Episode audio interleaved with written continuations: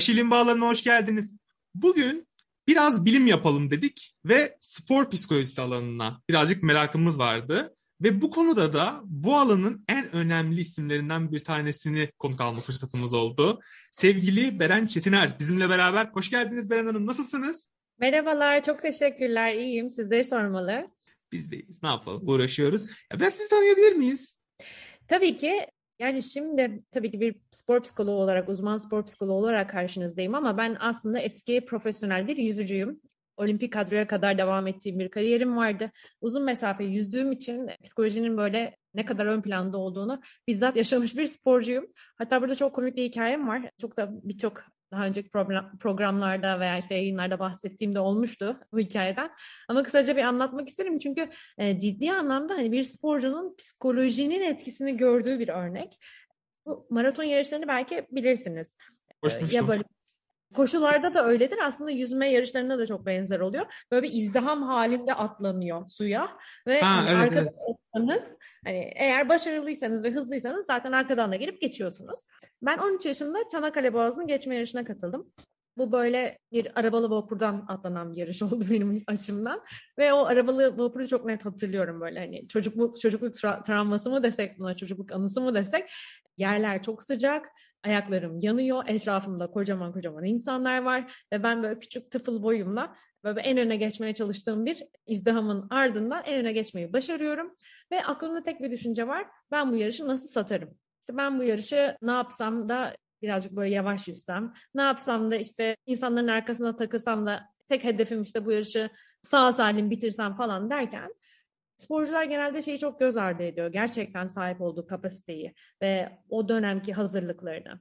13 yaşında bir kız çocuğunu düşündüğünüzde gerçekten hani özgüven kaybı yaşayabiliyor, kendine güvenemeyebiliyor. Yani o ben bunu yaparım çünkü'nün altını doldurmak bazen çok zor olabiliyor ki bizzat ben de bu yarışta onu yaşıyordum 2003 senesi. En öne geçtim ve aklımdan şeyi geçiriyorum. Yani ben bu yarışı nasıl satarım? İşte dalgalara bakıyorum dalgalar çok yüksek. Karşıya bakıyorum 6,5 kilometre nasıl bitecek falan derken şöyle bir sahne yaşadım. 3-4 kişi arkamdan geldiler ve bana yaklaşıp sen şöyle geriye geç de biz önden kopup gideceğiz dediler. Yani bunu duyduğum anda zaten vazgeçmek üzereydim yani o yarıştan. Ama içimde şunu hissettim. Ya dedim tesadüfen sen dedim şu şunları arkalarına geçsen bir de oradan hani basıp önlerine geçsen ne kadar güzel olur. Yani sen şunlara bir yol versen sonra bir de yanlarından gelip geçsen ne kadar güzel olur. Beren sen bunu yaparsın çünkü ya sen işte bütün yaz antrenman yaptın. Sen aslında gerçek potansiyelini gösteremedin. Sen aslında 3 aydır çalışıyorsun ama insanlar normalde yaz tatilinde falan gibi. Aslında hani vazgeçmek üzere olan bir kızın aklı birdenbire böyle bir olayla sen bunu yaparsın çünkü'yü doldurmaya başladı. Bunu anlatıyorum çünkü hani sporcu olarak başarı hikayesi olarak görebiliriz ama mental olarak o negatiften pozitif olan shift'i, o değişimi çok bizzat yaşadığım bir örnek oldu. Ben o yarışı genel klasman birincisi bitirdim. Ben o yarışta parkur rekoru kırdım. Sonra Çanakkale Valisi bana bir erkek saati verip, kol saati verip kızım dedi hani biz birinciyi erkek bekliyorduk. Ama dedi sen 13 yaşında bir kız olarak birinci çıktın. İşte şöyledir böyledir tebrik ediyoruz. Vesaire vesaire. Rekor hala duruyor. Benim de haberim yoktu yeni öğrendim. Bu da anlatıyorum niye? Ben o yarışta aslında bırakmak üzereydim, vazgeçmek üzereydim ve hani o beynimdeki o değişimle beraber çok net bizzat şunu yaşadım. Her bir sen bunu yaparsın çünkünün altını dolduran sebep beni birazcık daha böyle hormonal olarak da orada o değişim çok net hisseder zaten sporcular. O adrenalin dediğimiz hormonla beraber. Yani birazcık daha böyle bir her bir bahaneyle, her bir sebeple beraber birazcık daha o göğsüm kabardı ve atlamak üzere artık şey noktasına kadar gelmiştim yani. Hani artık düdüğü çalın benim atlamam lazım, benim yüzmem lazım. Ve bu yüzden ben psikoloji okumaya karar verdim. Yani bu kadar tesadüfi bir şekilde insanların arkamdan gelip sen şöyle geriye geç demesiyle ben bu gaza gelmeyi yaşayabiliyorsam bunu niye kontrollü bir şekilde yaşamayalım? Bir sporcu bunu kontrol edebilirse gerçekten potansiyeline nasıl ulaşabilir? Yani bu tesadüfi olan tırnak içinde performansı biz nasıl aslında psikolojiyle yönetebiliriz? Ki yayından önce de birazcık konuşuyorduk. Psikoloji gerçekten çok soyut olan bir alan. Ölçümleyemiyoruz. Yani işte bir şekilde motive oluyoruz ama bu motivasyonu ölçümlemek çok zor. Ve psikolojinin performansa etkisini direkt olarak evet işte bu psikoloji sebebiyle diye gösterebilmek çok zor. Dolayısıyla ben bunu birazcık daha somutlaştırmak adına, kontrol edebilmek adına psikoloji okumaya karar verdim. Ta 13 yaşında. Sonrasında işte bir süre daha yüzme serüvenim devam etti. Avrupa şampiyonalarıdır, işte Balkan şampiyonalarıdır. Epey Türkiye rekorum var. Yine uzun mesafede bunların hepsi. Ki uzun mesafe olduğunu özellikle vurguluyorum çünkü uzun mesafe yarışları gerçekten çok daha fazla mental olan yarışlar. İşte 800 metreden bahsediyoruz. Yaklaşık işte 8-9 dakika boyunca orada psikolojinizi vücudunuzun savaşıyla birlikte kontrol etmeniz gerekiyor. Sonrasında işte Koç Üniversitesi Psikoloji okudum. O zamanlarda ülkemizde hani çok e, nitelikli bir eğitim yoktu spor psikolojisi alanında. Yurt dışına gittim. Boston Üniversitesi'nde bir 3 sene kadar klinik psikoloji ve spor psikolojisi yüksek lisanslarını tamamladım. Bir sürede Amerika'da çalıştıktan sonra ülkemize döndüm. E, şu anda da e, Mental Lift'in kurucusuyum. Mental Lift olarak neler yapıyoruz birazcık onlardan bahsedeceğim. Profesyonel sporcularla çalışıyoruz. Yani bunlar tabii ki de bir klinik psikoloji de olduğu gibi hani birebir seanslarla ilerliyor. Aynı zamanda da işte Anadolu Efes gibi, Eczacıbaşı gibi veya işte olimpik kadro gibi, federasyonlar gibi ayrı ayrı kulüplerle, branşlarla çalışıyoruz. Bunun dışında işin tabii ki de bir akademik ve eğitim ayağı var. Bu anlamda da bir yüksek lisans koordinatörlüğü yapıyorum Kadir Üniversitesi'nde. Yani ülkemizde de aslında bu alanı geliştirip ciddi anlamda katkı sağlamaya çalışıyoruz. Bunlara ek olarak benim esas uzmanlığım ve şu anda devam ettiğim alan nörobilim alanı. Yani bu işin ölçülebilir olmasını sağlamak adına, daha böyle görünebilir olmasını sağlamak adına yani beynimizde ne gibi bir kimyasal, nörokimyasal değişim oluyor da biz aslında bunu fizyolojik olarak hissedebiliyoruz, fark edebiliyoruz. Kısmı şu anda özellikle ilgilendiğim alan diye özetleyebilirim. Ya valla çok doyurucu oldu. Bence siz devam edebilirsiniz. Yani buradan alalım bence. Hatta merak ettiğim başka bir soru var. Küçük sorularla ilerleyelim. Şimdi siz evet. Koç Üniversitesi'ne girdiniz. Üniversite sınavı bittikten sonra. Spor psikolojisi diye bir alanın varlığından nasıl haberdar oldunuz? Ülkemizde yoktu zaten o sıralar. Bir iki tane belki birazcık daha böyle spor bilimleri altında olan bir iki tane hani üniversitede yanlış hatırlamıyorsam vardı. Ama psikoloji eğitiminin ardından hani klinik ve artı hani spor psikolojisi eğitimini veren bir üniversite o dönemlerde yoktu. Yurt dışında çok araştırmıştım. Yani ben 13-14 yaşından beri araştırıyordum ki Amerika şu anda en sağlam ekollerden biri. İşte İngiltere'de de var, Avrupa'da da var birkaç tane örnek. O zamanlardan beri aslında benim hep hedefim Amerika'ya gitmek, işte uzmanlığımı alıp ülkemize dönmekti. Yani o ihtiyacı hissettiğim zaman aslında ben araştırmaya başladım diye söyleyebilirim. yani peki bunun bir ihtiyaç olduğuna Hı-hı. ne zaman karar verdiniz? Hani ve nasıl karar verdiniz? Şimdi kendi örneğinizi baz alarak söylemiyorum. Mesela bunu genel konjonktürü mü incelediniz? O yıllardaki sporcuların genel ruh hallerini, yaşayış durumlarını mı incelediniz? Hani nasıl bu alanın ihtiyaç olduğuna karar verdiniz? Tabii yani üst düzey sporcuların performanslarına baktığımızda hep böyle arkalarında bir ekip var. Yani bu örnek veriyorum şu anda tenisten Federer'i de ele alsak, yani bireysel bir spordan bahsediyoruz. Bir basketbol takımını da ele alsak, aslında tek bir sporcunun arkasında kocaman bir takım var. Yani bu takımdan neyi kastediyoruz? İşte athletic trainer dediğimiz işte şu anda daha çok böyle kondisyon antrenmanlarını yaptıran kondisyoner olarak geçiyor Türkiye'de. İşte fizyoterapisti var, masörü var, spor psikoloğu var, antrenörü var, işte pilates için off sezonda farklı farklı yerlere gidiyor vesaire vesaire. Kocaman bir takımdan bahsediyoruz. O, o dönemki örnekleri incelediğimizde de yurt dışı örnekleri çok benzer bir format vardı. Şu anda da hala daha aynı format devam ediyor. Ve ülkemize de e, aslında bu sistem yavaş yavaş gelmeye başlıyor diye özetleyebilirim. Yani şimdi anladığım kadarıyla spor psikolojisi alanı spor bilimlerinin altında bir türev alanken şu anda kendi başına psikolojinin bir alt dalı olarak ilerlemeye devam eden bir dal mı? Ben mi yanlış anladım?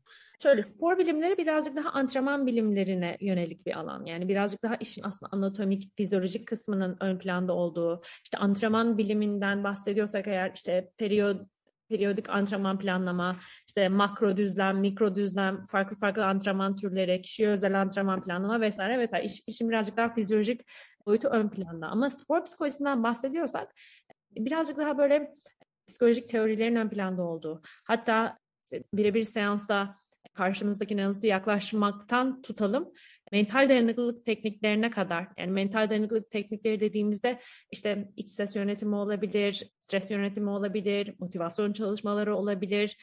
Farklı farklı aslında kişinin psikolojik süreçlerini yönetmesine yardımcı olabilecek yöntemler diye özetleyeyim. E, spor psikolojisi birazcık daha bu tarafa daha yakın. Yani e, psikolojik süreçleri ve o seans esnasında bir uzmanın karşısındakine nasıl yaklaşması gerektiğini içeren bir süreç ve eğitim diye toparlasak daha doğru olacak aslında. İkisi birazcık birbirine benzer ve tamamlayıcı ama birazcık da ayrışan alanlar aslında. Yani antrenman bilimleri dedik şimdi. Antrenman bilimlerinin bir parçası aslında. Yani nasıl ki kaslarınızı geliştiriyorsunuz, kendi bilinçaltınızı, benliğinizi de geliştirmek zorundasınız. Mentalitenizi de değiştirmeniz gerekiyor.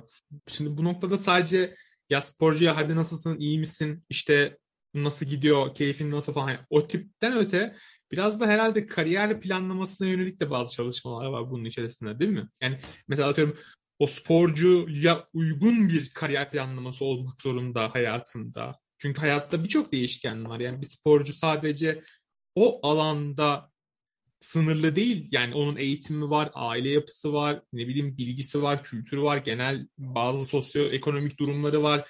Ve var da var yani şimdi siz bu noktada psikoloji olarak yani spor psikoloğu olarak bir spor psikoloğu olarak size gelen size bir danışanınıza ne gibi bir destek sağlıyorsunuz?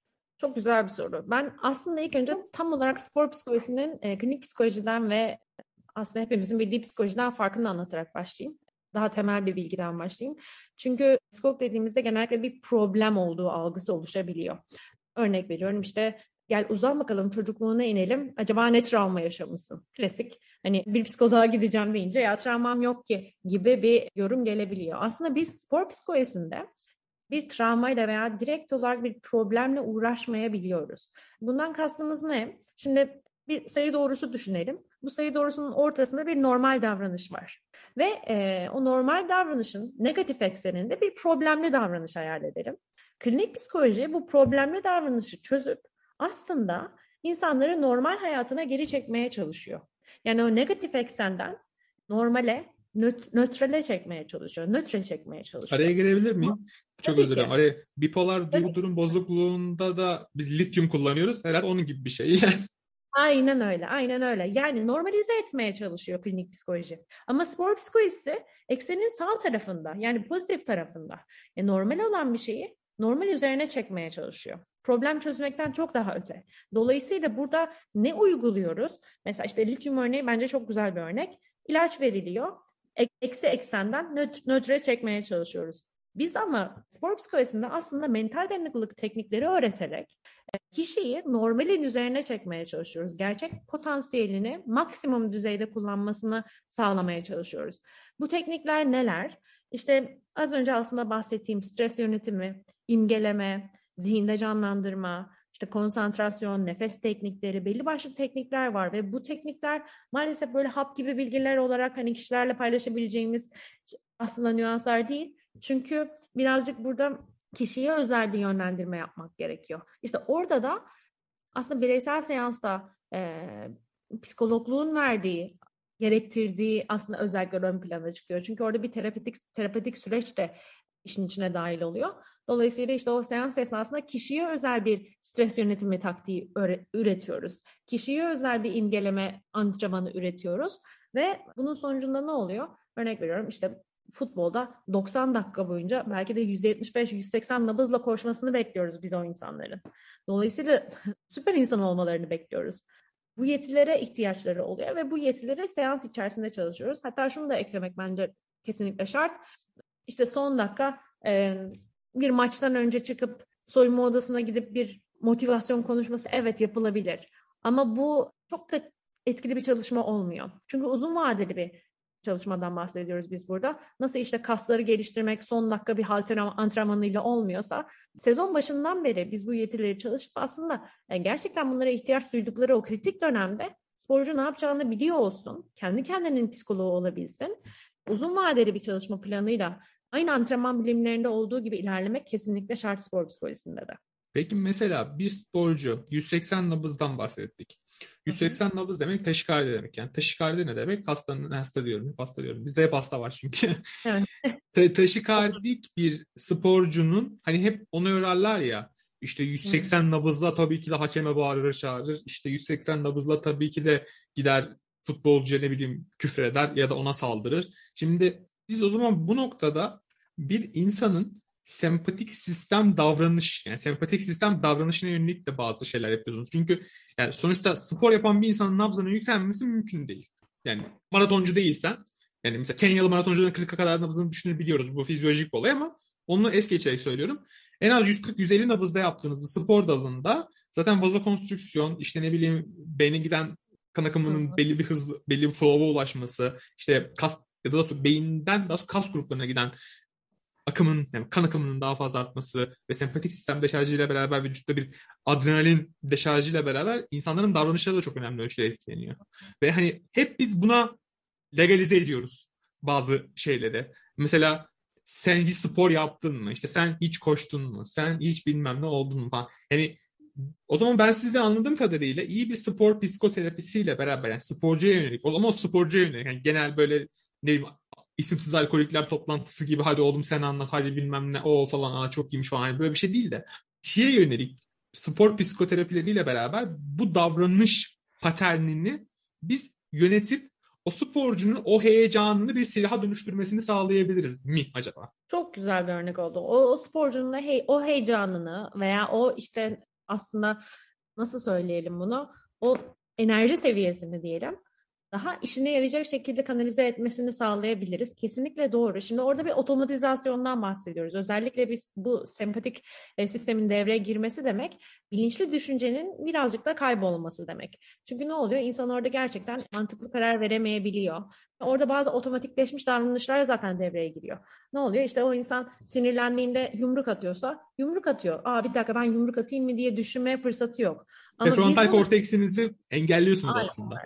Aynen öyle. Ama biz bunu uzun vadeli çalıştıysak zaten bu kişi ben burada yumruk atmıyor, atmamam gerekiyor davranışını yani çok daha önceden benimseyip aslında kendi nasıl söyleyelim işte davranış paternine bunu dahil etmeye çalıştığı için orada düşünmeden de olsa otomatikte onu artık yapmamaya başlamaya çalışıyor.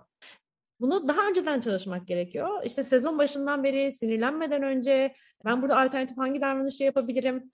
Bunun yerine bu bu bu var. Evet işte yumruk atmak yerine yani bir sonraki pozisyonda şunu şunu yapabilirim. Yani bunu çok önceden beri oturtursa ancak artık o otomatik davranışı yumruk yerine belki ne olacak? Bir sonraki hamlede daha fazla yüklenmek olacak. Ama bunu o an karar veremez. Çok uzun bir süreç gerektiren aslında bir davranış değişiminden bahsediyoruz burada. Peki yani şimdi siz hani Türkiye'de bu konuda söz sahibi isimlerden bir tanesiniz. Gerek firmanızda gerek işte başardıklarınızla, yaptıklarınızla, çalışmalarınızla. Türkiye'de size göre ya şimdi her teknik ekibin buna sadece futbol, basketbol gibi ana akım, yani ana akım, akım bu laf da dilime yapış çok klişe bir laf ya. Demeye çalıştığım şey şu. Hep bizim gördüğümüz en popüler olan sporlarda bütün teknik ekiplerin içerisinde bir tane psikolog en az bulunur. Bu kuraldır. Peki bu bu psikolog veya biz olimpiyatlara gittiğimiz zaman işte mesela ben hatırlıyorum Fatih Terim'in de vardı. Dünya Kupası'na giderken bir psikoloğu vardı onun da. Hep şeyler işte ya onun psikoloğu var işte takımı bir topluyor şöyle yapıyor falan bilmem ama. Ya tamam ama ya sizce ya siz zaten bu işin içindesiniz. Ben size soracağım kime soracağım? Size sormam gerekiyor bu soruyu. Sizce bizim Türkiye'deki birinci sorum şu. Takip ettiğimiz ekoller nedir ve bunlar yeterli mi? İkinci sorum Sizce bu çalışmalar yani bu yapılan işler diyeyim size çok gerçekçi ve işlevsel geliyor mu? İkinci soruyla başlayayım. İlk önce hani teknik ekiplerin ve antrenörlerin spor psikolojisi ihtiyacını tam olarak anlayamıyor olması veya bilemiyor olması şu an gerçekten günümüzün en büyük problemlerinden bir tanesi. Bunun da bence en büyük sebebi psikolojinin ölçülemez olması. Yani bir işte kondisyoneri getiriyorsunuz ve sporcunun işte koşu performansı yüzde 120 artıyor ve bunu çok net ölçümleyebiliyorsunuz. Bir spor psikoloğu geliyor, bir sonraki maçı kazanıyorsunuz ama bu spor psikoloğunun yaptığı takım çalışması sebebiyle mi, bireysel görüşmeleri sebebiyle mi veya işte tamamen şans eseri karşı takımın performansının düşük olması sebebiyle mi? Yani psikolojinin orada ölçülebilirliği çok az. Dolayısıyla aynı zamanda hani Türkiye'deki spor psikologlarının sayısı, nitelikli eleman, eleman sayısı da çok az olduğu için etkiyi gözlemleyebilmemiz de çok zor oluyor. Ölçemediğimiz bir etki için de eleman alımı yapmak veya ihtiyacı belirlemek de çok zor oluyor. O yüzden aslında hani buradaki ihtiyaç bence hala tam anlamıyla anlaşılabilmiş değil. Ki bu sadece Türkiye'de değil. Yani hani şu an alanın öncüleri olan Amerika'da bile tam olarak hani her takımın, her üst düzey takımın bir spor psikoloğu var diyemeyiz. Ha, çok daha ileride, hani çok daha belki de hani ülkemizin geleceği bir 10 sene sonraki seviyede gibi düşünebiliriz ama hala daha tam oturmuş bir düzen maalesef yurt dışında da yok. Bunun için ilk önce standartizasyonun tabii ki ülkemizde belirlenmesi gerekiyor. Yani kim spor psikoloğu? Hangi eğitim almamız gerekiyor? İşte ne gibi bir saha çalışma yapmamız gerekiyor? Spor psikoloğunun iş tanımı nedir? Hani haftanın beş günü, haftanın altı günü gidip kulüpte mi durur? Nasıl görüşme yapar? Takım çalışması mı yapar? Yani orada bir gerçekten bir iş tanımının yapılması gerekiyor. Burada da tabii ki teknik ekip birazcık daha ihtiyacı görünce ve ihtiyaç üzerinden o fark yaratan spor psikologlarını görünce aslında birazcık daha ya bir dakika ya hani bizim gerçekten bir psikoloğa ihtiyacımız var e, diyor. Tabii burada hani benim meslektaş, meslektaşlarıma en büyük hani tavsiyem şu olacaktır. Etkiyi görüyorsunuz ama ya bir dakika ya hani bunu da ben yaptım. Benim sayemde şampiyon oldular falan gibi bazen yorumlar yapanlar oluyor. Bu da çok yanlış. Bu tamamen bir takım, takım işi, ekip işi. Dolayısıyla evet etkiniz varsa, katkınız varsa bunu zaten hani orada performansta yansımasını görüyorsunuz. Ama bunu da ben yaptım demek. Burada çok büyük payım var demek daha büyük bir negatif etkiye sebep oluyor. Bunu mutlaka söylemek lazım. Ekollerden bahsedelim. İlk soruya geri dönelim. Ekollerde de birazcık şunu söylemek lazım. Yani ekol dediğimizde biz psikolojide farklı farklı aslında yaklaşımlardan bahsederiz. Şimdi bir Amerika'daki spor psikologları ekolleri gibi durumu ele alabiliriz. Ki bunu şu an söylememiz çok mümkün değil. Çünkü orada bir belli format var. Evet takip edilen belli başlı standartize olmuş diyeyim bazı federasyonların takip ettiği sistemler var. Ama biz ekolden bahsediyorsak psikolojide aslında farklı farklı yaklaşımlardan bahsediyoruz. Mesela işte BDT dediğimiz bilişsel davranışçı terapi veya işte psikoanalitik terapi işte Freud'un daha çok öncüsü olduğu, işte gelişimsel dönemlerdeki süreçleri ele alan, birazcık daha bilinçaltını ele alan yaklaşımlar gibi. Bu da birazcık psikoloğun kendi yaklaşımına bağlı aslında. Yani işte örnek veriyorum Amerika'da da bilişsel davranışçı terapiyle çalışan spor psikologları var. Türkiye'de de var. Freud yaklaşan spor psikologları, Freud'in yaklaşan spor psikologları var Amerika'da da. Türkiye'de de var. O yüzden hani şu ekol doğrudur, şu ekolü takip edelim demek pek mümkün değil. Ama burada şunu belki söylemek lazım. Şimdi mental dayanıklılık tekniklerinden bahsettik. İşte stres yönetimi dedik, motivasyon dedik, konsantrasyon dedik. Bu tekniklerin sonuçta sporcuya aktarılması ve öğretilmesi gerekiyor. Dolayısıyla burada birazcık bu psiko eğitimsel dediğimiz bir süreç de işin içine dahil. Yani siz danışanı karşınıza oturtup, sporcuyu karşınıza oturtup anlat bakalım çocukluğuna inelim. Hadi bakalım işte ben hiç konuşmuyorum sadece sen konuşacaksın gibi bir yaklaşımla seans yaparsanız e, o seanstan etki almanız birazcık zor ve uzun vadeli olur biz birazcık BDT dediğimiz bu bilişsel davranışçı terapiye benzer bir sistem de zaman zaman mecburen kullanmak zorundayız. Çünkü bir düşünce yönetiminden bahsediyoruz biz spor psikolojisinde. Yani bu mental dayanıklılık tekniklerinden mesela en önemlilerinden bir tanesi iç ses dediğimiz bir tekniktir. İç ses tekniğinde de birazcık böyle düşünce değişimine dayanır. Ve işte düşünceyi değiştirip aslında duyguları yönetebilmek, daha sonrasında performansı yönetebilmekten bahsediyorsak ister istemez birazcık BDT yaklaşımını paralel bir çalışma yapmak zorundayız. Çünkü düşünceleri kontrol etmesi sporcunun duygularını kontrol etmesi demek. İşte aslında az önce bahsettiğimiz belki de agresyonu, oradaki öfkeyi birazcık daha kendi işine yarar şekilde yönetebilmesi demek saha içerisinde. Dolayısıyla farklı ekollerden aynı anda aslında bir sentez, sentez yapıp sporcuya özel bir sistem çıkartmak en doğru yaklaşım olacaktır. Benim en sevdiğim, yani tıpta da ben çok severim onu. Vaka bazlı eğitim denilen bir şey var. PD, probleme dayalı öğrenme. Hı hı. Şimdi o zaman şöyle yapalım. Biraz probleme dayalı öğrenmek için size bir vaka vereceğim. Evet. Ben bir yüzücü olduğumu varsayalım. Yüzücü değilim. Yok yüzücü değilim. Yüzücüden konuştuk farklı bir spor olsun. Ben bir bas, basketbolda çok sıradan. Ben bir tenis oyuncusuyum. 18 yaşındayım ve sosyoekonomik olarak da orta düzey bir ailenin çocuğuyum. Hiçbir şekilde öyle çok yüksek paralar kazanmadım. Ama tenis seviyorum ve tenis o, raketimi bile borçla almışım. Ve şu anda milli takıma adayım ama milli takımda olmayacağım. Yani gelecek dönemde beni milli takıma seçmeye edebilirler. Seçebilir ama o kapıdayım yani. Hani yani Davis kupasına gitmenin eşiğindeyim. Eğitimim yok denecek kadar az. Lise sonrası üniversite sınavına girmedim. Kitap okumayı sevmem. Hiçbir şekilde de müziktir, tiyatrodur, ne bileyim kültür sanat faaliyetleridir. Bunlar hiçbirine hiçbir ilgim yok. Ama başarılı olmak istiyorum. Şimdi, ve hani iyi de bir insanım diyelim ki. Hani huy olarak da hırslı bir insan değilim. Sadece çalışmayı seviyorum. Düzenli bir şekilde çalışıyorum. Antrenmanlarıma gidiyorum ve bu da bana başarıyı getiriyor. Ama tutup da başkasının ayağını kaydırmaktır. Ne bileyim işte antrenörlerime yönelik çeşitli saygısız davranışlardır gibi gibi bir dolu kötü davranış paternlerini hiçbirinde sergilemiyorum. Siz bir spor psikoloğu olarak ben size danışan, yani danışmak için geldiğimi varsayalım. Ben sizin danışanınızım. Siz bana bir yol çizin. Ben kendi performansımı 100 iken 150, 200 veya sizin ulaşabildiğiniz benim maksimum potansiyelimi çıkartmak için neler yaparsınız? Bu çok geniş bir soru aslında.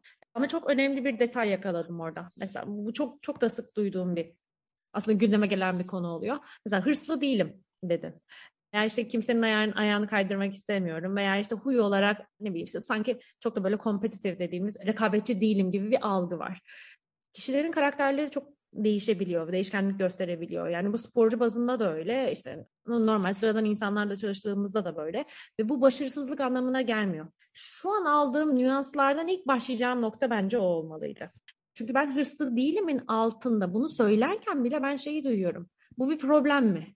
Bunu velilerden çok duyuyorum mesela işte bazen sporcuları bana getiriyorlar diyorlar ki ya işte Beren hocam bizim kızımız işte çok sakin hiç hırslı değil birazcık daha hırslı olmasını istiyoruz. Birazcık daha böyle hedef odaklı olmasını istiyoruz. İşte bakıyorlar diyorlar ki rakipleri işte sabakaya çıkmadan önce sanki böyle duvara kafa atsa duvarı kıracak gibiler. Bizim kız öyle değil, bizim kız bozuk.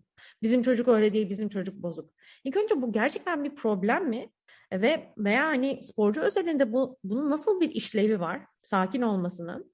Buradan başlamayı ben tercih edebilirdim. Bu bahsettiğimiz vaka özelinde. Çünkü genellikle şöyle oluyor. Ayşe'nin performansa hazırlanma tekniğiyle, yöntemiyle Fatma'nın çok farklı olabiliyor. Yani klasik bir aslında kişiye özel bir standartizasyon e, çıkartmak pek mümkün olmuyor. Yani kişiye özel çalışmak gerekiyor. Bazen işte az önce anlattığım örnekten gidelim. O gerçek de bir örnek. İşte kafa, kafasını kafasını duvara vursa duvarı kıracak gibi değil. Bizim kız bozuk mu? Ben o sporcuyla çalışmaya başladım. İlk seansı aldık. Ve o görüşme sonunda aslında şunu anladık. Yani o sporcu özelinde müsabakaya sakin çıkması, kendini böyle o kadar üst düzey strese sokmaması, işte heyecan seviyesini o kadar yükseltmemesi onun en çok işine yarayan aslında bakış açısı. Ama aileden, antrenörden ve etraftan gelen mesajlar ona sürekli şunu söylüyor.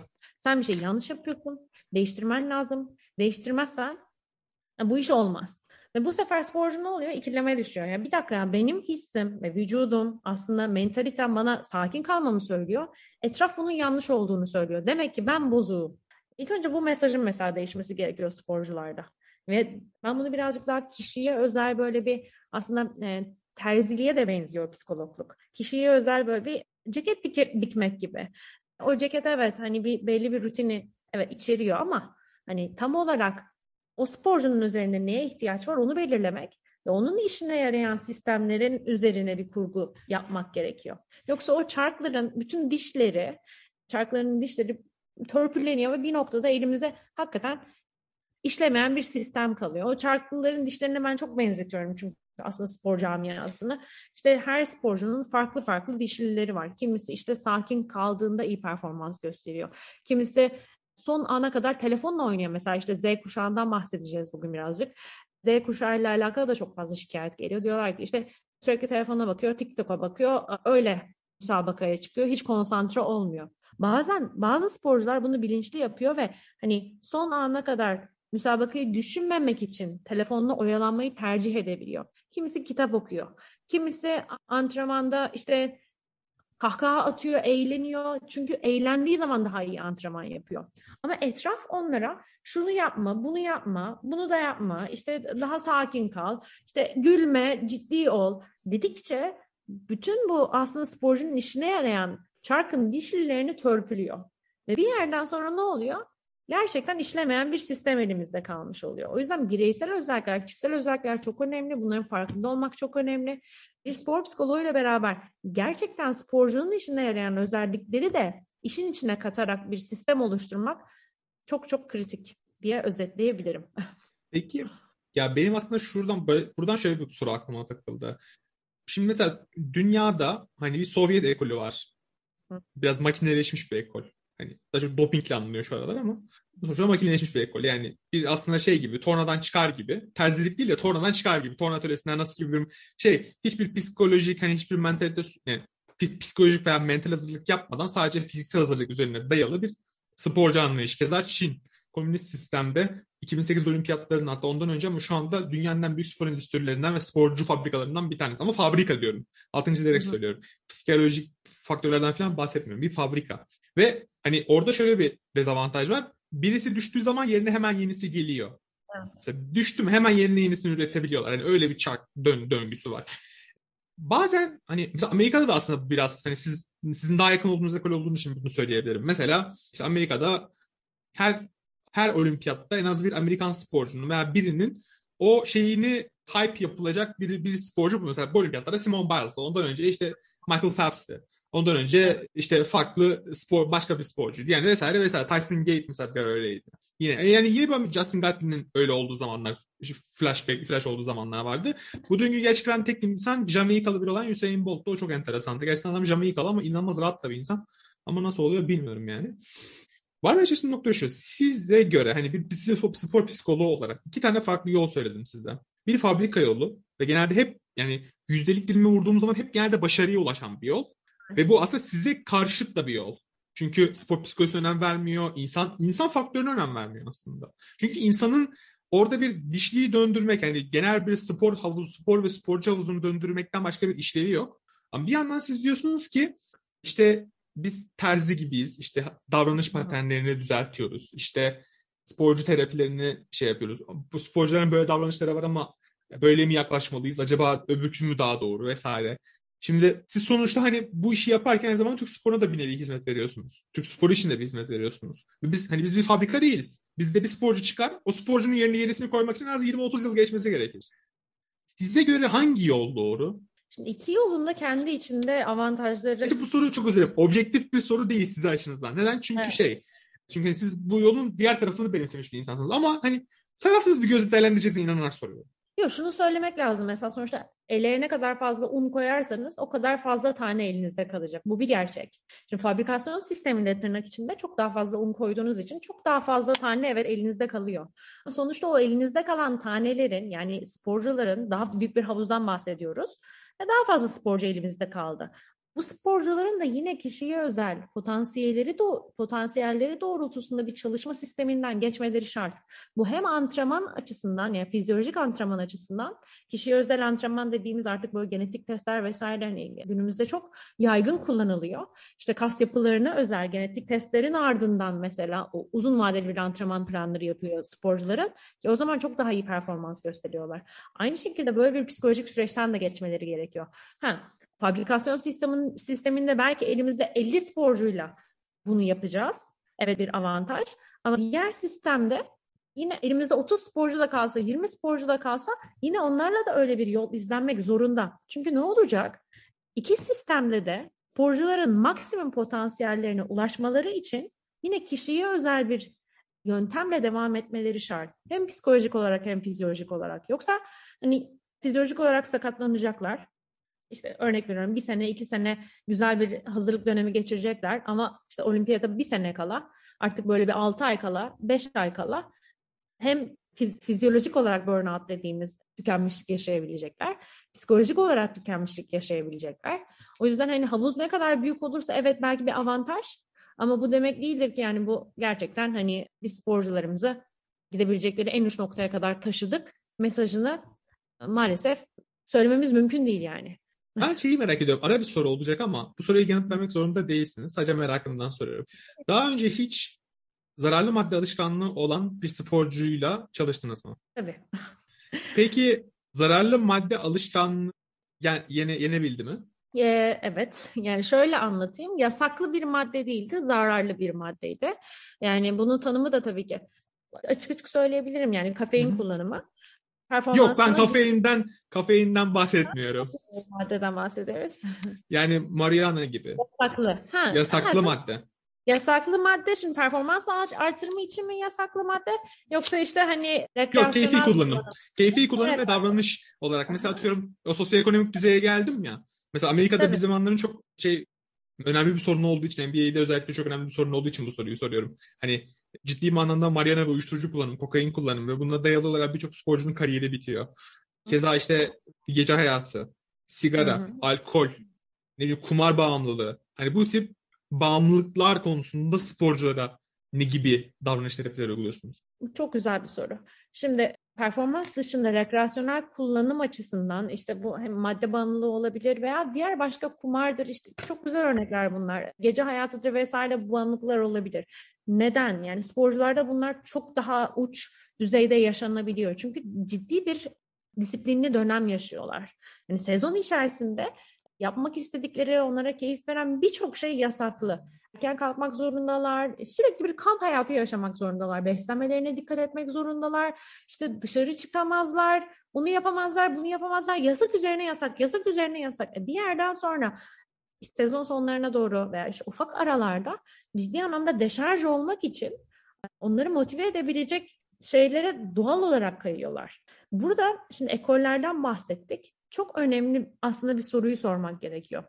Bu birazcık daha varoluşçu yaklaşımın sorularından bir tanesidir. Ben kimim sorusu. Ben ne yapıyorum sorusu. Yani örnek veriyorum işte Beren kimdir? Beren nasıl yaşar? Beren'in değerleri nedir?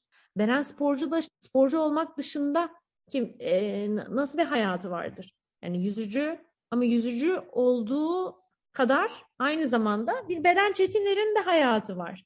Çünkü sporcuların hayatı o kadar fazla sporla kaplı ki spor dışında kim olduklarını bilmiyorlar. Dolayısıyla uzun vadede bu soruyu sürekli sporcuyla çalışıyor olmak, kariyer planının içine bunu da dahil ediyor olmak, hayat planının içine daha doğrusu bunu da dahil ediyor olmak aslında sporcuya bir noktada bu kaçışı da e, bu kadar cazip kılmıyor diyebilirim. Şimdi buna bir kulüple çalışıyorsanız yaklaşım tarzınız farklı oluyor.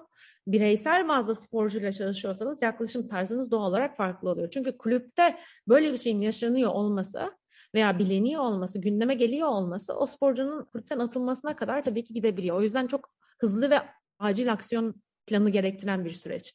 Ama sporcuyla birebir çalıştığınız seansta bunu çok daha sakin ve çok daha detaylı bir şekilde ele alabilirsiniz. Çünkü maddeyi niye kullanıyor? Buna niye ihtiyaç duyuyor? Bunu gerçekten de bir yargılamadan onun gözünden bütün kartları açık oynuyor olmak zaten durumu bir rahatlatıyor. Ve sporcuya kendi kendine şunu sorgulamasına yardımcı oluyor. Bir dakika ya ben bunu niye yapıyorum? Ve onun altındaki anlamı çözümlemesi, birazcık daha sakin bir şekilde duruma bakması belki de bir yerden sonra ya bir dakika ya ben bunu kullanıyorum ama buna da ihtiyacım yok noktasına kadar götürtebiliyor sporcu ki benim de bizzat yaşadığım örnekler bu yönde ilerliyor. Mesela geliyorlar bazen çekinerek anlatıyorlar işte bunu bunu, bunu yapıyorum işte birazcık da arkadaşlarla da şunu da işte takıldık falan. Psikoloğun ilk önce bir tepkisini ölçüyor. Şimdi benim ona vereceğim... Sizi onay tepki... merciği görüyor, görüyor. İşte orada ne onaylamak ne onaylamamak. Hakikaten bu insan bunu niye yapıyor? Onun gözünden durumu anlamaya çalışmak, değerlendirmeye çalışmak. E, bu niye yapıyor, niye yapıyordan öte niye şu an bunu anlatıyor? Çünkü belki de istemiyor kullanmak o yüzden bunu anlatıyor. Belki sadece hani e, orada psikologla olan ilişkisini tartmak için anlatıyor. Yani o yüzden onun gözünden durumu bir değerlendirdiğinizde belki de şunu görüyor ya bir dakika ben bunu yapıyorum ama o kadar da buna ihtiyacım yok. Bunun yerine şu şu şu alternatiflerim de var. Mesela gece hayatı çok ön planda oluyor genellikle konuştuğum sporcularda. İşte diyorlar ki işte Avrupa mesela Avrupa Avrupa Ligi oynuyor ve orada hani ufak ufak aralarda Türkiye'ye İstanbul'a dönme şansı oluyor ve o İstanbul'a döndüğü araları tamamen eğlence üzerine geçirmeye kurulu sporcularım oluyor. Birazcık konuşuyoruz ama bunu hani skopu genişlettiğimizde o merceği birazcık genişlettiğimizde sporcu şeyi görüyor eğlenceye o kadar aç bir profil çiziyor ama aslında içinde bilinçaltında o kadar da aç değil. Yani değerleri değişmiş oluyor çünkü. Yani 17-18 yaşındaki değerlerini hala o o geçerli yitir, yitirmiş birer kod gibi hala benimsiyor onları. Ama bunları birazcık açtığımızda aslında sporcu şunu görüyor ya bir dakika ya hani ben bu kadar eğlenceye aç olduğumu zannediyorum ama aslında ben hakikaten gidip arkadaşlarımla iki, iki sohbet edip iki çay içmek istiyorum. Her gece gidip deliler gibi partilemek istemiyorum noktasına gelenler bile oluyor. Ama anlatabildim değil mi? Yani or- orada o kod hala yüzeyde kalmış oluyor ve geçerliğini yitirmiş oluyor ve maalesef çok derin bir sorgulamadan da geçmedikleri için ya bir dakika ya ben bunu değiştireyim artık ben bunu bu kadar da sevmiyorum bile deme fırsatı olmuyor sporcunun kendisine. Sevdiğini zannederek devam ediyor o döngüde. Yani yemek yemek, su içmek gibi bir Aynen aktiviteye öyle. dönüşüyor ve hani bunu hiç sorgulamadan yapıyor aslında. Aynen öyle. Peki e, yani genel olarak hani e, nasıl anlatabilirim bunu? Bunu şöyle söylemek istiyorum. Şimdi para ve şöhretten biraz bahsettik aslında. Bu detayı biraz açmak açmak da istiyorum. Şimdi Hatta bunu birazcık kıyaslayarak da söylemek istiyorum. Özellikle Türkiye'de şu anda inanılmaz ölçüde bir yurt dışına kaçış var. Tabii bunun farklı sebepleri de var. Türkiye'deki şu andaki işte politik iklim, işte sporcuların genel maddi durumları, işte genel Türkiye'nin ekonomik sıkıntıları vesaire vesaire. Oradaki eğitim koşullarının daha iyi olması özellikle genç sporcular için bir faktör. Gidiyorlar ve döndüklerinde bambaşka insanlar olarak geliyorlar aslında. Çok farklı insanlar olarak geliyorlar. Ve hani bunu gerçekten çok fazla duyduğum için bunu söylüyorum. İşte davranışları değişiyor. Hani o 18 yaşında veya 16 yaşında sizin karşılaştığınız o benlik duygusu yurt dışından, yani yurt dışı dediğim hani bu Almanya, Amerika gibi ekol ülkelerden ve spor psikolojisine ve sporcu mentalitesinin gelişimine yönelik çalışmalar yapan ülkelerden gelen özellikle sporcular için en kötü ülke, en kötü takım bile olsa, en kötü ülke bile olsa oradan gelen sporcunun milli takımlara geldiği zaman farklı davrandığını görüyoruz. Bize göre bunun nedeni nedir? Yani onlar bizden ne kadar neyi farklı yapıyorlar? Veya biz mi çok geride kaldık onlardan? Çok mu gerideyiz de bu açığı kapatmamız için çok mu geç kaldık? Olumlu anlamda olan değişimden bahsediyoruz değil mi? E, olumlu yani anlamda. Karakter olarak, disiplin kesinlikle, olarak. Kesinlikle, kesinlikle. Mesela ben şundan bahsediyorum. Mesela en güzel örneklerden bir tanesi Burak Yılmaz bana göre. Burak Yılmaz çok hani iyi bir kariyeri de vardı. Öncelikle hani 25 yaşına kadar aslında Trabzonspor'a gitmeden önce aslında bitik kariyeri vardı. Çok hani farklı takımlar yine büyük takımlarda forma gitti. Beşiktaş'ta Fenerbahçe'de forma giydi ama olmadı yani bir şekilde o şeyi sağlayamadı. Sonra işte Şenol Güneş'in eline gitti. Trabzonspor'a gitti ve bir anda bambaşka bir Burak Yılmaz'la karşılaştık. Üzerine 34 yaşında yani 34 yaşında artık futbolun bitme noktasında Lille transfer oldu. Fransa'ya transfer oldu ve bambaşka bir kimlik edindi duruşuyla, çalışma tarzıyla, olaylara bakış açısıyla yani inanılmaz bir değişim yaşadı. Şimdi bu mental değişim hani herkeste yaşadığımız bir şey de değil aslında. Biraz herhalde sporcunun da içinden gelmesi gerekiyor bu değişme isteğin. Tabii orada bir karakter kısmı tabii ki var. Hani bu klasik psikolojide ele aldığımız aslında tartışmalardan bir tanesi. Hani genetik mi yoksa işte çevresel faktörlerin etkisi mi vesaire vesaire. Ama ikisi de kesinlikle burada çorbada payı var diye düşünebiliriz. Burak Yılmaz örneği bence burada çok güzel. İşte son açıklamasından da aslında burada bahsedebiliriz. Milli takımı bırakması. E, aslında bu açıklamayı yapmadan önceki maçta kendisinin bir golü var. Evet. E, bir tane de kaçırdığı penaltı, penaltı var. Ama şunu söylüyor aslında orada verdiği mesaj çok kritik. Ben potansiyelimin altındayım veya işte ben potansiyelimin bu olsa bile daha iyisini yapabilecek kişiler olduğuna inandığım için buradan ayağımı çekiyorum bu egosuzluk demek yani bu egoyu bir kenara bırakıp hakikaten sporu spor için yapabiliyor olmak demek. Bu samimiyet demek yani ve bu kültürü yurt dışında alan evet çok fazla sporcu oluyor. Çünkü yurt dışındaki birçok aslında sistem birazcık daha iç motivasyon üzerine kurulu. Sonuçtan çok süreç üzerine kurulu. Yani evet işte iki gol attın, beş gol attın, şu kadar gol attın değil potansiyelini ne kadar gerçekleştirdin? Biz Türkiye'de birazcık bunu kaçırıyoruz. Çok sonuç odaklıyız ve diyoruz ki işte 100 metreyi şu kadar saniyede koşman lazım. Bu maçta şu kadar gol atman lazım. Bu sonuca ulaşması için göstermesi gereken eforu çok göz ardı ediyoruz. Dolayısıyla sporcular çok sonuç odaklı oluyorlar. Ve çok iyi bir sonuca ulaştıklarında gerçek potansiyellerini göstermeseler bile tatmin olarak aslında o müsabakadan, o turnuvadan, o maçtan ayrılıyorlar. Ve bu çok yanlış. Çünkü belki e, orada sporcunun potansiyeli 5 gol atmak. Bir gol atıyor ve diyor ki tamam süper çok iyi yaptım. Belki orada potansiyelini en gerçek göstermesi gereken eforu gösteremediği için üzülmesi gerekiyor. Mesela Barcelona Futbol Okulu vardı Türkiye'de bir dönem. Onun altyapı sorumlusuyla epey bir o dönem çalışmalarımız olmuştu. Ve sistemlerini birazcık anlattılar bize.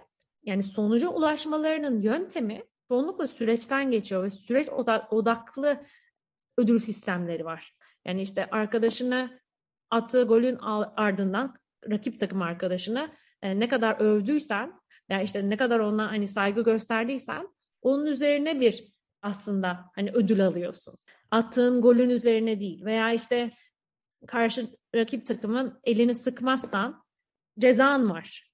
Yani saygı, sevgi, hoşgörü, efor bunlar çok önemli kavramlar ve aslında hani e, sporun tamamen bunların üzerine kurulması gerekiyor. Sonucun üzerine değil. Sonucu getiren bunlar çünkü. Biz bazen bunu göz ardı ediyoruz. Altın Ordu gibi aslında. Altın Ordu da güzel bir örnek var. Mesela onlar da şey yapıyor hem okulları var kendi işlerinde hem de o futbolcuları mesela ben gördüm tarım yapıyorlar futbolcular. Ama bir aile yapısı gibiler. Yani her şeyleri var işte. Yani, yani şimdi şöyle bir şey var. Aslında bizim dediğiniz gibi bazı temel şeylere inmemiz gerekiyor bu noktada. Temel dediğimde şu. Yani temizlik, hijyenik ortamlarda spor yapabilen, güvenilir ortamlarda spor yapabilen çocuklardan bahsediyorum. Yani artık hani 20-25 yaşındaki çocuklardan değil de işte mesela siz gittiğiniz zaman veya işte yine kurumunuzdan birisi gittiği zaman veya en basit bir spor psikoloğu gittiği zaman o sporcularla, o çocuklarla konuştuğu zaman gerçekten profesyonel bir destek aldıklarını ilerleyen dönemde hissedebilecekleri yerlerin artması gerektiğini düşünüyorum. Bizim spor nurumuzun kitlesel olarak gelişmesi için. Yoksa hani Altın Ordu, Altın Ordu şu anda belki Türk futbol altyapısını besleyen bir okul. Ama kimseye gidip de hani yani bunun nedenini sorgulamıyor. Ya yapıyorlar işte. Nasıl yapıyorlar ama? Yani hani biliyor muyum? Hani mesela ya belli başlı kalıplar var ama bunların hepsinde samimi olmak ve devamlılığını sağlamak önemli. Biz orada biraz sanki sıkıntı yaşıyoruz. Mesela spor psikoloğu getiriyoruz. Mesela ben bir kulüp sahibiyim. Ben sizi getirdim. Sizinle anlaştım. Sizi getirdim ama size hiçbir materyal vermedim. Dedim ki işte Beren Hanım siz burada 6 gün kalacaksınız.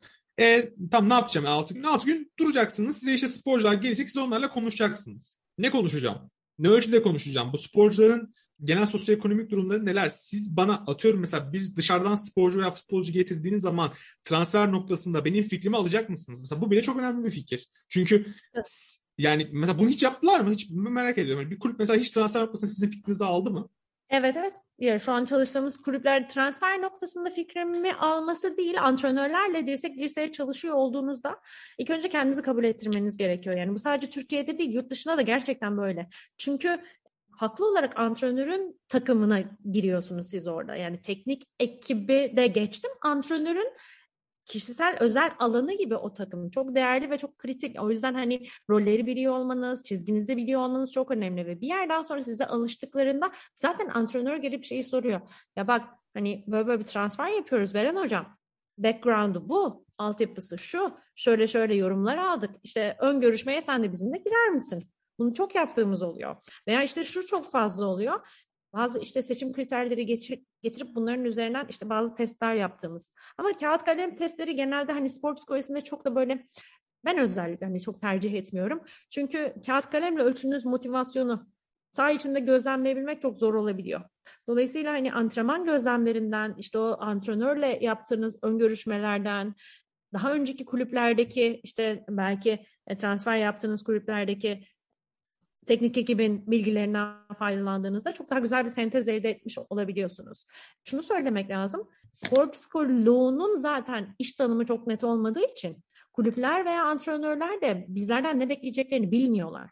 Dolayısıyla bizim şu an mesela Kadir Has Üniversitesi'nde verdiğimiz eğitimde bu süreci ben e, bizzat süpervizyon e, süpervizyonunu ben yapıyorum ve şunu çok net vurguluyorum. Bir kulübe gittiniz, çalışacaksınız. Ben gelip buraya bunu bunu bunu yapacağım diyemezsiniz. Çünkü ilk önce o kulübe oturup şunu o kulüple oturup şunu belirlemeniz lazım. O kulübün ihtiyacı ne? Kimlerle çalışacaksınız? O stres yönetimine mi ihtiyaçları var? Motivasyona mı ihtiyaçları var? Uzun dönemli planlamaya mı ihtiyaçları var? İşte veya sporculuk değerleri üzerinden bir yapılacak nasıl söyleyeyim bir kurguya mı ihtiyaçları var? Yani kulübün ihtiyaçları özelinde bir sezonluk program çıkartmanız ve bunun dahilinde o kulübe yönelik bir proje üretmeniz gerekiyor. Kesinlikle. Yani bunu çok net yaparsınız çünkü gidersiniz dersiniz ki işte örnek veriyorum ben haftanın 5 bunu buraya 5 günü buraya geleceğim. 9'dan 6'ya işte burada oturacağım, antrenmanları izleyeceğim. Bunu yaparsınız. Ama bunu yaptığınızda o kulübün veya işte o, o artık hani ekibin ihtiyacını karşılayamazsınız. Bir, bir noktada araya girebilir Çok özür dilerim. Sizin çalıştığınız kulüpler genel Türkiye'nin prime kulüpleri. Hani daha işte şampiyonluğa oynayan kulüpler. Ama bir de bunun arka planı var.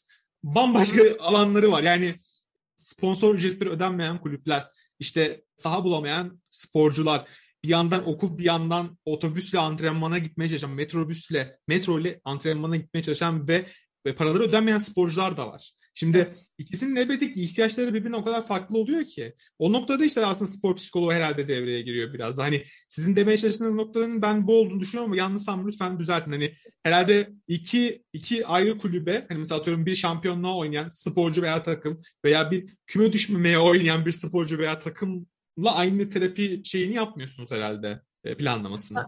İhtiyaçlar çok değişiyor. Yani şimdi bir sosyo ekonomik açıdan olan ihtiyaçların getirdiği hani farklılıklar kesinlikle var.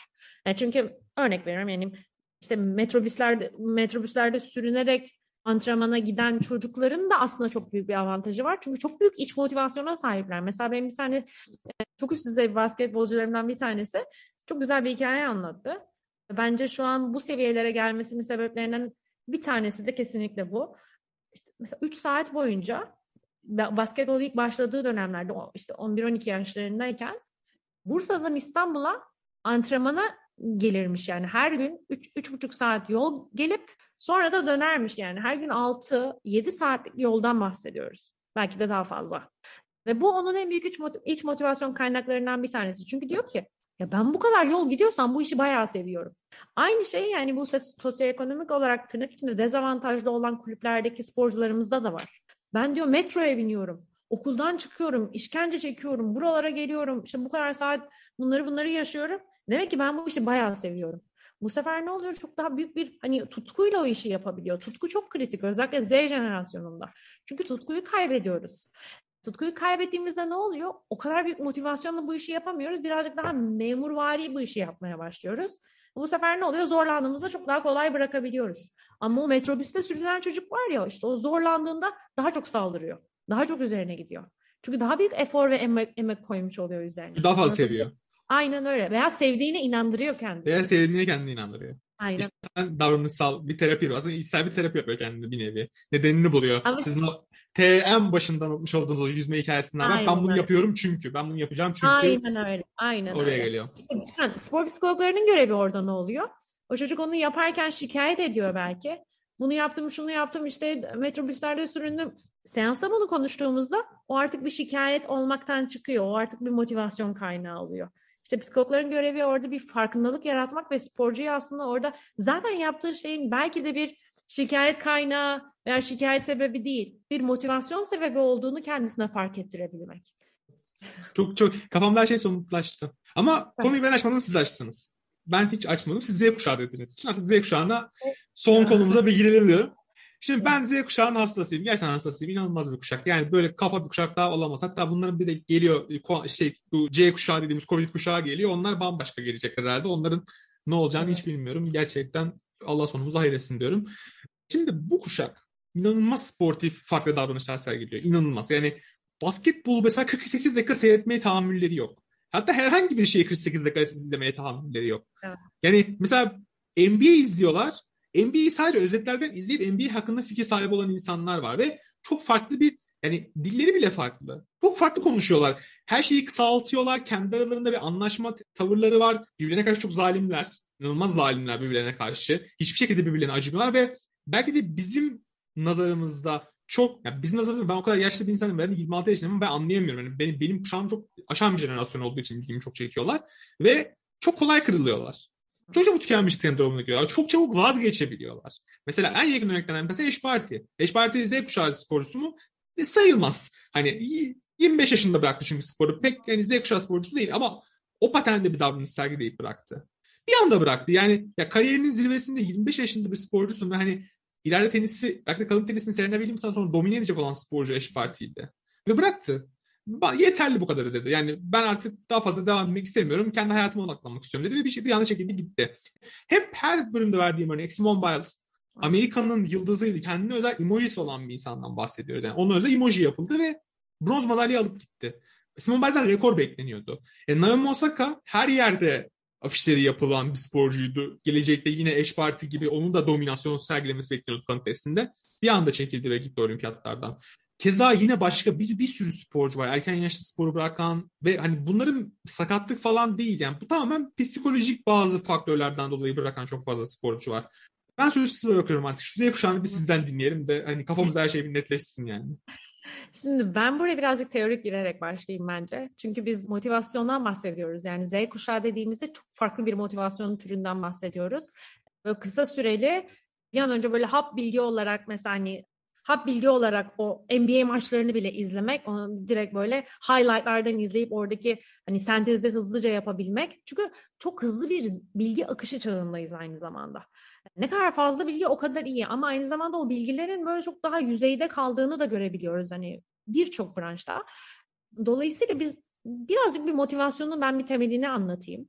Çünkü biz motivasyon dediğimizde spor psikolojisinde iki tür motivasyondan bahsediyoruz. Bir iç motivasyon, gerçekten bir şeyi böyle tutkuyla, keyif aldığı için yapabilmesi kişinin. Bir de dış motivasyon var.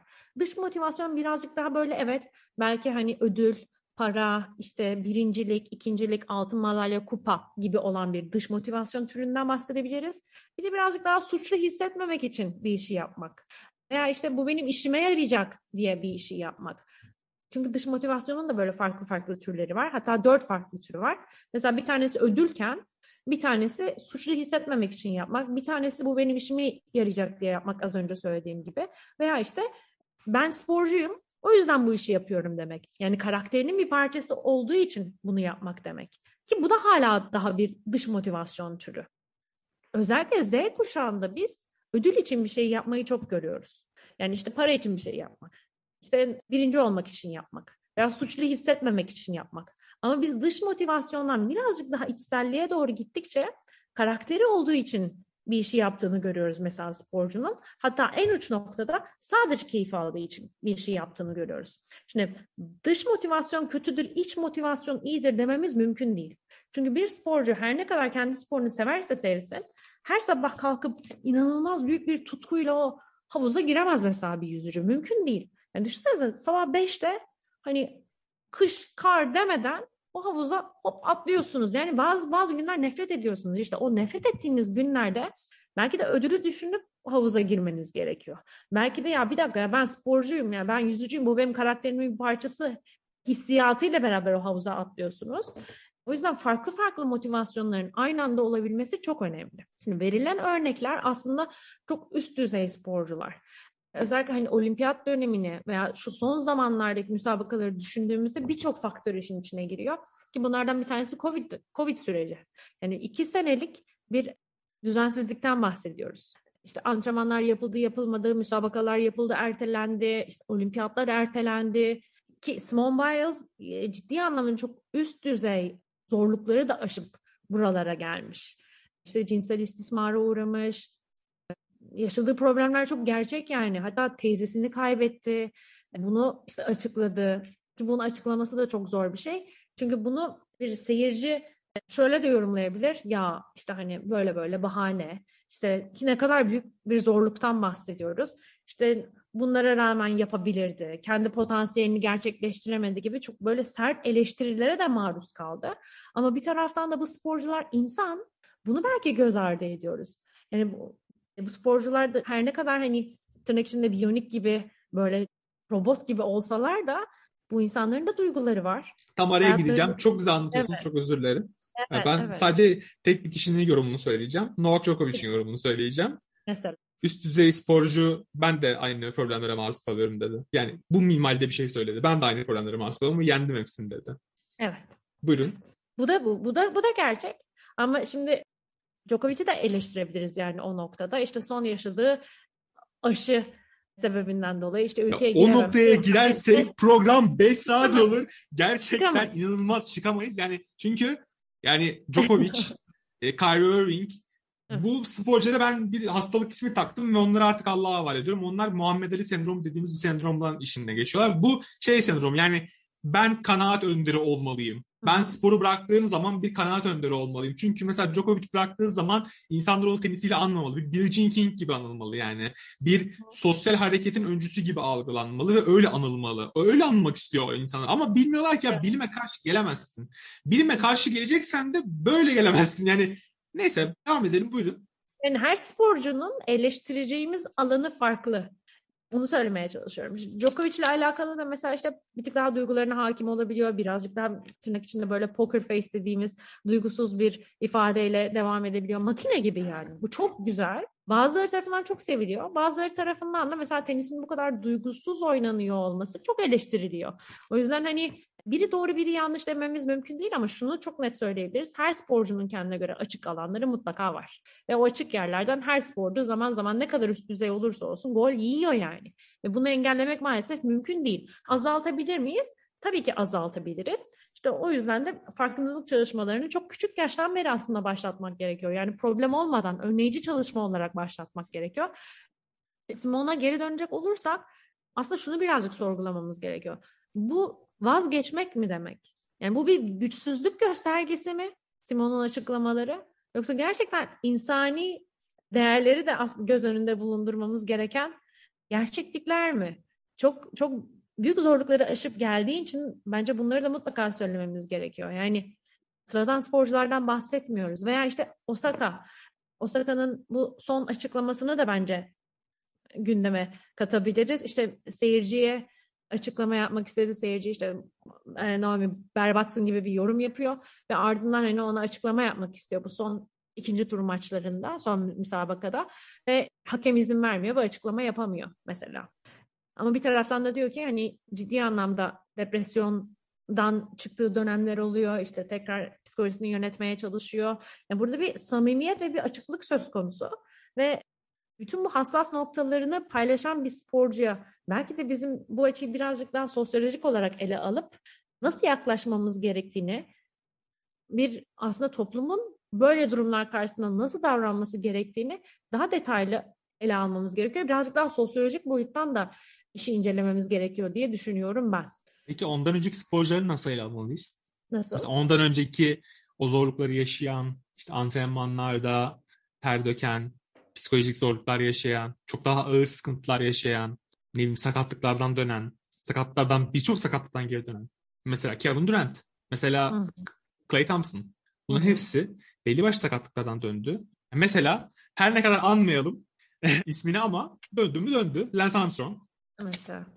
Şöyle bir gerçek var. Ben bunu bireysel seanslarda çok çalışıyorum. Toplum olarak veya işte bir izleyici olarak da sporda zaten bence bunu kesinlikle bu şekilde görüyoruz her dezavantajı olan faktör aynı zamanda bir avantaj faktörü olabilir bir sporcu için.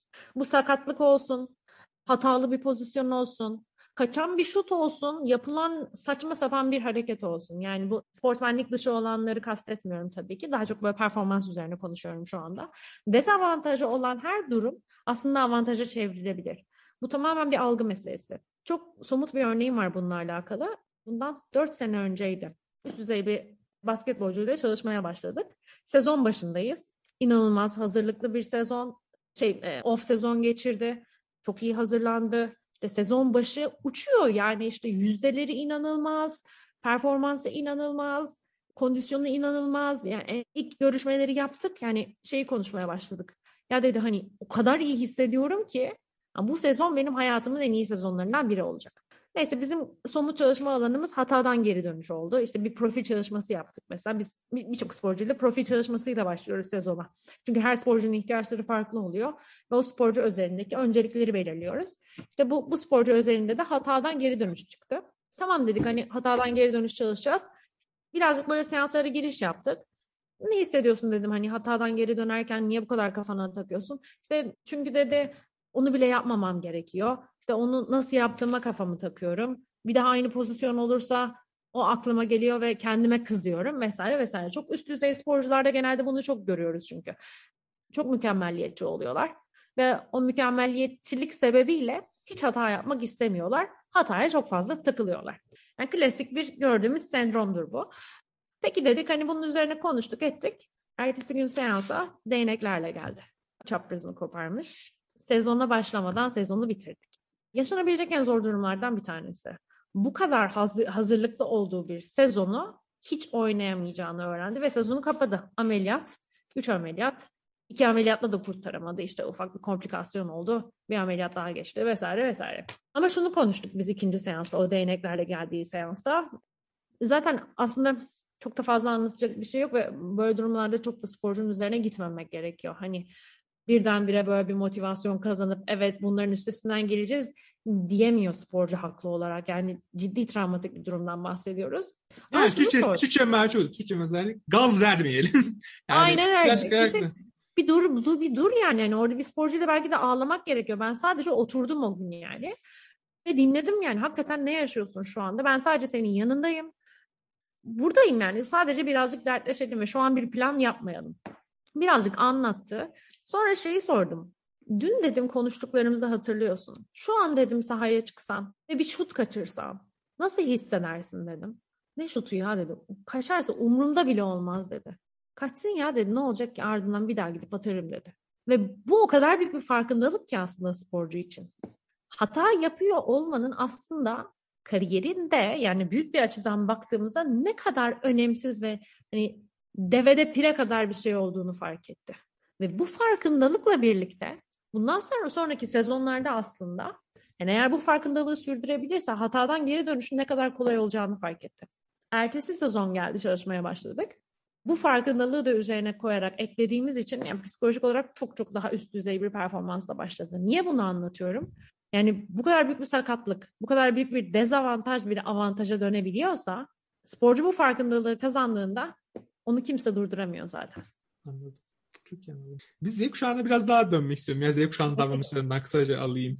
Yani Z kuşağı sizce sporun alışkanlıklarını diyeyim tümüyle değiştirecek mi? Yani biz artık ne bileyim 60 dakika futbol, işte 20 dakika basketbol izleyeceğiz veya eskisi gibi işte mesela olimpiyatlar buna yönelik bir revizyona gitti ve kendine breakdance yani breakdance işte birçok sporu dışarıda tutmaya çalışıyor şimdi. İşte yanlış hatırlamıyorsam halteri en son çekmeye evet. karar verdiler Çok. ve boksu da çekmeye karar verdi. Olimpiyatın temel sporlarından artık biraz daha işte işte şey konuşuyor. E-sporda gidebilir mi olimpiyatlara? E-sporun çok ciddi bir kitlesi var. İnsanların inanılmaz bir ilgisi var. Yani milyonlarla ölçülebilir bir ilgi ve inanılmaz da bir endüstriye dönüşmüş durumda e-spor. E bu tamamen Z kuşağı üzerinden dönüyor.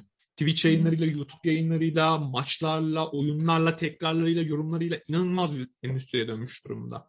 Ve biz o konvansiyonel spor dediğimiz yani fiziki güce dayalı işte 600, 400 bir tane daha vardı onu unuttum şu anda hatırlamıyorum. Olimpiyatların temel 3 tane dinamiğini içeren spor anlayışını yavaş yavaş sanki terk ediyoruz gibi. Sizin bu konudaki görüşünüz nedir?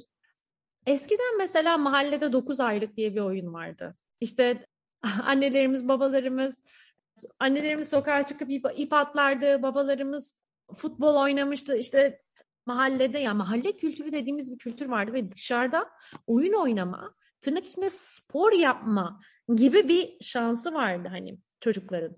Artık bu maalesef yok oluyor. Yani pandemiyle de beraber işte oyunların gelişmesiyle beraber hani artık e, ilgi duyulan alan birazcık daha hakikaten oyunlar olmaya başladı. Bu açı, bu bu durumu bence birazcık sosyolojik ele almamız lazım kesinlikle. Çünkü jenerasyonların büyümesiyle beraber eskiden o oynayan kesim izleyici konumuna geçmeye başlıyor. Şimdi yani bizim dönemimize baktığımızda nasıldı? İşte annelerimiz babalarımız evet sokak kültürünü görmüş. İşte sonra ne olmuş? O sokakta oynayan insanlar bir noktadan sonra izleyici olmuş futbolu oynadığı için futbolu izleyicisi olmaya bir tık daha yatkın çünkü biliyor yani futbolun nasıl bir şey olduğunu aşağı yukarı. Yani en azından belli belirli bir kesim. Sonra ne oluyor? İşte bu artık birazcık daha işte köfte ekmek yenilen şeye sahaya stada erkenden gidilip orada tezahüratlar yapılan hani bu sosyal, sosyal bir aktivite halini de almış. Ama bir yerden sonra ne oluyor? O jenerasyon büyüyor işte onların çocukları ne oluyor? Birazcık daha e, bilgisayar oyunu oynamaya başlıyor. Sonra o bilgisayar oyunu oynayan kitle izleyici olmaya başlıyor. Yani dön bir dönüşümden bahsediyoruz. Dolayısıyla e, şu anki hani benim çalıştığım Z jenerasyonu ne yapıyor? İşte Valorant oynuyor. İşte FIFA oynuyor, onu oynuyor, bunu oynuyor. Bizim de şu an çalıştığımız bu arada e-spor takımları var. Spor psikologları olarak çalıştığımız. Çünkü Spor ciddi bir alan, gelişmekte olan bir alan ve ciddi bir psikolojik efor gerektiren bir alan. Konsantrasyon, stres yönetimi, motivasyon bunlar çok ciddi anlamda sporcuların kullanması gereken faktörler. Oynadıkları yani şimdi bu Z jenerasyonu bu oyunları oynadıkları için izlemek de hoşlarına gidiyor. E, dolayısıyla bunun izleyicisi olmayı tercih ediyorlar bir futbol maçı izlemektense.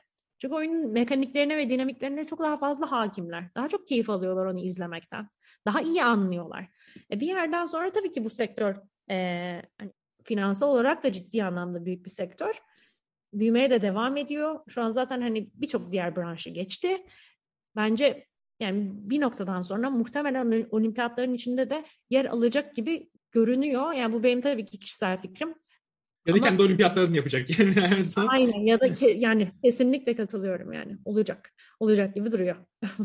Peki ya son olarak sizi bulmuşken hani bir de genç meslektaşlarınızla ne gibi tavsiyeleriniz olur? Spor psikolojisinin e, gelişmekte olan bir alan olduğundan bahsettiniz. Aslında bu da birçok meslektaşınız için veya bölümü yeni bitirmiş olan birçok insan için de çok önemli bir parametre olabilir. Yani o, o alana kaymak isteyen ve o alanda çalışmak isteyen insanlar için çok önemli bir done olabilir. Siz onlara ne gibi tavsiyelerde bulunursunuz? Şunu mutlaka söyleyeyim. Şimdi psikoloji mezunu olunca insanlar ilk önce işte klinik psikoloji veya işte klinik psikolog olmak ilk akıllarına gelen oluyor.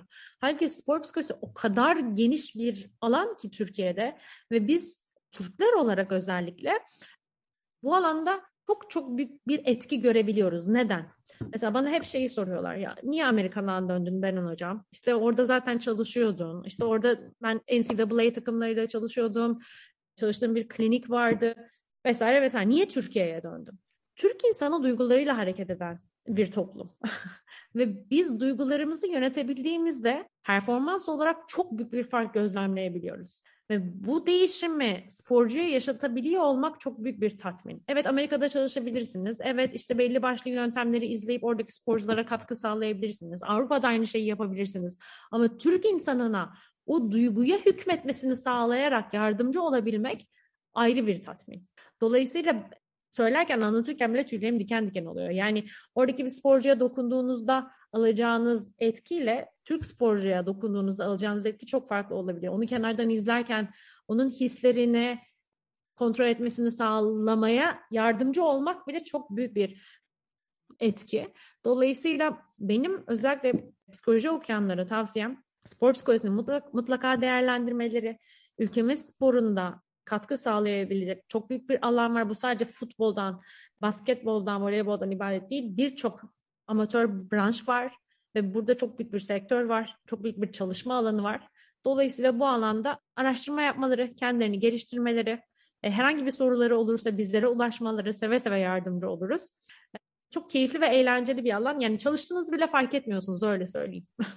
Gerçekten bu yani çok güzel bir program olduğunu düşünüyorum. Çünkü hani aslında Türk sporuna katkıda bulunmak için illa böyle popülist şeyler yapmaya gerek yok. İşte bilim hı hı. sizi çağırdık. Burada Night sizi konuk almak istedik ve siz de sağ olun davetimizi kırmadınız. Çok teşekkür ederiz. Gerçekten katıldığınız için, bilgilerinizi, tecrübelerinizi bizimle paylaştığınız için, vaktinizi bizimle paylaştığınız için her şeyden önce çok teşekkür ederiz. Ben izninizle kapanışı yapıyorum. Aşilim bağlarından bugünlük bu kadar efendim. Konuğumuz çok değerli, çok kıymetli bir hocamız. Klinik psikolog ve spor psikoloğu sevgili Beren Çetiner hocamızdı. Kendisine çok teşekkür ediyoruz. Bir sonraki bölümde görüşmek dileğiyle diyoruz. Hoşçakalın. Kendinize çok iyi bakın.